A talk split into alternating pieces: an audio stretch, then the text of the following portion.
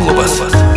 Nepaisant to, kokie dar orai laukia šį pavasarį, jau akivaizdu, kad Europa žiemą išgyveno. Nesušalo, energetinė krizė ir kaina sugebėta suvaldyti, tačiau ateis kita žiema. 2022-aisiais dujų saugyklos dar buvo užpildytos rusiškomis dujomis, atėjusiamis vamzdžiu. Šiemet reikės ieškoti kitų sprendimų. Apie tai europarlamentarai Strasbūre Europos parlamento plenarinėje sesijoje klausinėjo ir ES energetikos komisarė Kandri Simpson. Kokie sprendimai galimi? Kalbiname europarlamentarus Europos liaudės partijos frakcijos atstovą Andrių Kubilių ir frakcijos atnaujinkime Europą narį Petrą Užtrevičių. Kokiu priemonių imsis Europa siekdama 2023-aisiais užtikrinti savo energetinį saugumą? Na, aš tai žiūriu gal ramiau negu kai kur čia girdisi visokių tokių pasigazdinimų. Visų pirma, todėl, kad gazdina, buvo gazdintas ir prieš šitą žiemą labai stipriai, bet ES, ES komisija, kitos institucijos parodė, kad tokias problemas yra sugebama spręsti.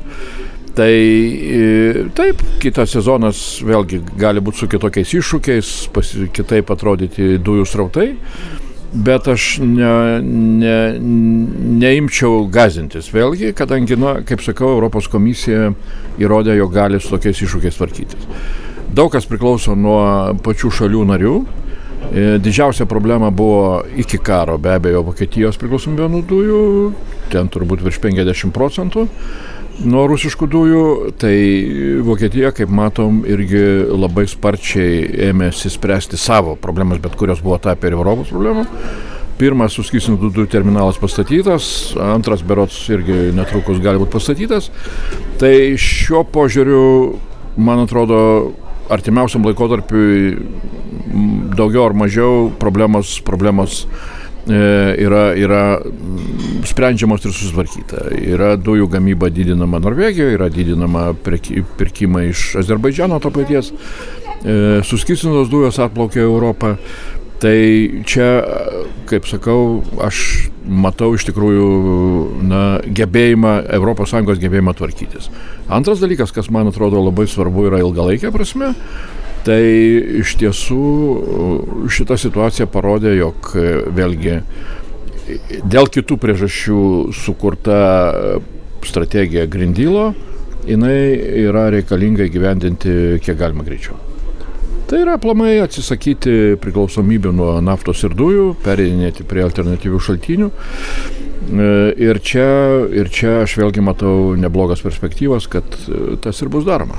O prie kokių tų alternatyvių šaltinių? Nes nu, vis tiek prancūzai savo branduolinę dar, dar vis naudoja, branduolinį kūrą perka iš Rusijos tos pačios arba Irano, jeigu neparduotų klausimas, kaip, kaip viskas baigtųsi ir tas nu, saulės baterijų irgi nemasė, toje pačioje Lietuvoje yra problemas prijungti naujas tas saulės elektrinis. Kas vis dėlto, nes nu, vandenilis irgi lyg ir neplinta taip labai kaip planuota, gal kaip ar, ar tikėtasi. Tai vad kokie, kokios tos kūro rūšys ta alternatyva? Na, aš tai čia aišku yra skirtingų ideologinių požiūrių. Ta girdi Europos parlamente žalieji mano, kad ir brandolinė energetika yra nesaugi ir nešvari. Tai aš nesilaikau tokios nuostatos. Man atrodo, visų pirma, Green Deal yra skirtas e, klimato kaitos stabdymui, tai yra CO2 emisijų stabdymui ir šiuo požiūriu atominė energetika yra, yra kaip tik e, labai, labai, labai švari, sakykime. Na, jinai kyla klaustukai dėl saugumo ir taip toliau, bet e, CO2 emisijų, anglės dvideginio emisijų požiūrį jinai yra švari. E, toliau be abejo visos alternatyvos e, vėjas, saulė iš tikrųjų yra labai sparčiai besiplėtojančios. Aš nematyčiau čia kažkokių tai didelių problemų net ir Lietuvoje. Lietuvos vyriausybės planai ir statyti jūroje ir, ir, ir plėtoti krante yra pakankamai aiškus, jie turi būti subalansuoti, tai yra prijungimo galimybės e, turi būti subalansuotos su gamybos pajėgumais. Vėlgi čia jau yra atskira tema balansavimas ir taip toliau visų sistemų. Bet vėlgi atsiranda ir naujos galimybės, atsiranda ir, ir tie patys e, Teslos dideli akumuliatoriai, kas vėlgi gali keisti visą, taip sakant, E, balansavimo, sakykime taip, architektūrą. Tai aš tikrai manyčiau, jog e, šitoje vietoje yra, yra einama teisinga linkme. Ir tas gali turėti ir labai, ne tik tai, kad Europa gali tapti energetiškai nepriklausoma, būtent plėtodama atsinaujinančią energetiką, bet tai gali turėti ir labai stiprų poveikį aplinkiniam e, šalim, autoritariniam šalim, kurios e, e, labai dažnai autoritarizmas yra susijęs su naftos ir dujų turėjimu, ar tai ta pati Rusija, ar, ar net ir Azerbaidžianas. Ir, ir kaip tik mano įsinių grindil įgyvendinimas turi labai didelę geopolitinę prasme, nes tos šalis, kurios dabar uh, yra autoritarinės ir pajamas gauna iš naftos ir dujų, jos turės keisti savo ekonominę struktūrą, o tai atves ir prie politinių struktūrų pasikeitimo. Kaip Ukraina įsipaišo į tą kontekstą, ar, ar galvojama apie tai, kaip jinai apsirūpins e, dujom ar na, apskritai kūru? Na, aš suprantu, kad Ukraina turi ir savų resursų ir bent jau net ir dabar kol kas nėra taip um, labai tragiškai problematiška. Be abejo, matyt, jiems anksčiau jie nemažai dujų gaudavo iš tos pačios Rusijos, ar kaip, kaip vadinama ta, mm, e, taip sakant, e, paimdavo už tranzitą dalį, dalį dujų. Tai jie turės tą situaciją keisis. Bet jinai taip pat, Ukraina yra, turi didžiulį potencialą e, saulės energetikai ir vėjo energetikai. Ir tą visi pripažįsta. Ir todėl ir e, labai daug kalbam apie, aplamai apie Ukrainos atstatymą, apie vadinamą tą maršalo planą ir ten trilijoną eurų tam skirta. Tai, tai ir patys ukrainiečiai labai garsiai skelbia, kad jie, mm, na, e, tą atstatymą nori sieti ne tik tai su, sakysim, infrastruktūros atstatymu, bet ir su, energi, su visos ekonomikos modernizavimu ir tą prasme su žalinimu. Tai toj vietoj iš tikrųjų yra, yra, yra ne tik tai, kad Ukraina gali pati apsirūpinti, bet jinai gali tapti ir gana, gana rimta būtent tos žalios energetikos eksportuotojai, skaitant ir vandenilį. Vandenilis jūs čia užsiminėt prieš tai, jis be abejo yra dar vis tokioje pradinėje stadijoje ir turbūt tas yra natūralu. Išplėtoti ir išvystyti iki pramoninio ligmens čia dar reikės reikės įvairių dalykų tame tarpe ir e, tiekimo infrastruktūros, tai yra vamzdynų, kuriuos reikės pertvarkyti nuo dujų prie, prie vandenilio, čia bus iššūkis, bet perspektyvos yra tikrai neblogas, tame tarpe ir Lietuvos.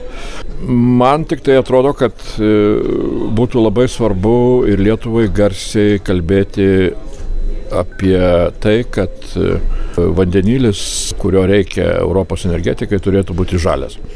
Čia vėl yra to vandenilio, aš nežinau, kiek, kiek čia tą specifiką žinot, yra ten visokių grey, blue, nes bent jau vėlgi, skaitant šiek tiek Kremliaus planus, tai jie irgi labai pasiruošę daug, taip sakant, vandenilio tiekti Europai. E, bet tas vandenilis būtų gaminamas iš tų pačių Rusijos dujų ir visas CO2 iš tų dujų atskirus vandenilį būtų metamas į atmosferą. Tai čia iš vienos pusės vėlgi yra ir taršos klausimas, iš kitos pusės geopolitinis klausimas. Ar mes prie tokios Rusijos, kokia yra dabar, ar norėtumėm, taip sakant, priklausomybę nuo jų dujų pakeisti priklausomybę nuo jų vandenilio. FM99 sakė europarlamentaras Andrius Kubilius. Aš asmeniškai manau, kad padarytos išvados padarė mus tikrai atsparesniais ar stipresniais, nežinau. Stiprumas matyt turėtų būti vertinamas ir iš energetinio efektyvumo, ar ne ir iš kainų, kurios galų gale kurias turi apmokėti galutinis vartotojas. Tai čia aš nematau, kad mes esame labai geroje situacijoje, nes sukilusios kainos ir, um, sakyčiau, dar tokie pertraukiai um, užtikrinant tiekimus kelia klausimų, bet na, pagaliau padaryta išvada dėl tos um, vienašalės priklausomybės, kuri vienaip ar kitaip, matyt, leidžia padaryti dvi išvadas, kad Europai reikalingas energetikos taupimas, ar ne, ir ėjimas prie atsinaujinančių šaltinių. Kitaip tariant, pagrindinė bazė energetinė turi būti Europoje, bet ne atvežtinė. Tai, kad Europa išsivertė be rusiškų dujų šią žiemą, yra didžiulis Rusijos pralaimėjimas, sako Petras Auštrevičius. Ir čia matyt yra vienas iš didžiausių Rusijos pralaimėjimų. Jie mane, kad energetika ir, ir toliau išliks tuo ginklu, ar ne? Ta spaudimo priemonė, dėl kurios Europa negalės įgyvendinti ir kitų politinių, politinių savo priemonių, kitaip sakant, sankcijų, ar ne, negalės e, atsilaikyti padėdama Ukrainai, nes reikės daryti energetinius kompromisus su Rusija.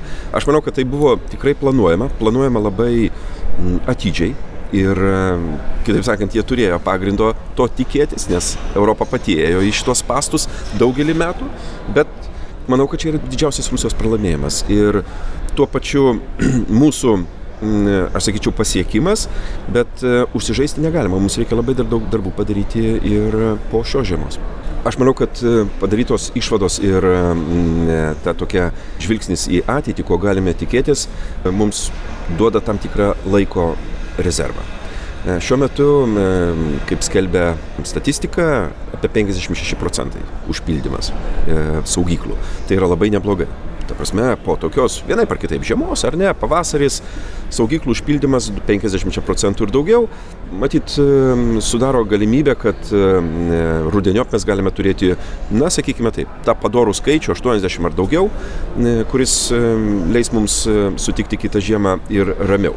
Bet be papildomų darbų manyti, kad e, mes atlaikysime spaudimą dėl kitos žiemos, matyti yra sudėtinga, todėl e, neveltui mes šią sesiją, pavyzdžiui, kalbėjome apie tas renovacijas, ar ne, e, kad Europoje reikia pradėti renovacijas pagaliau.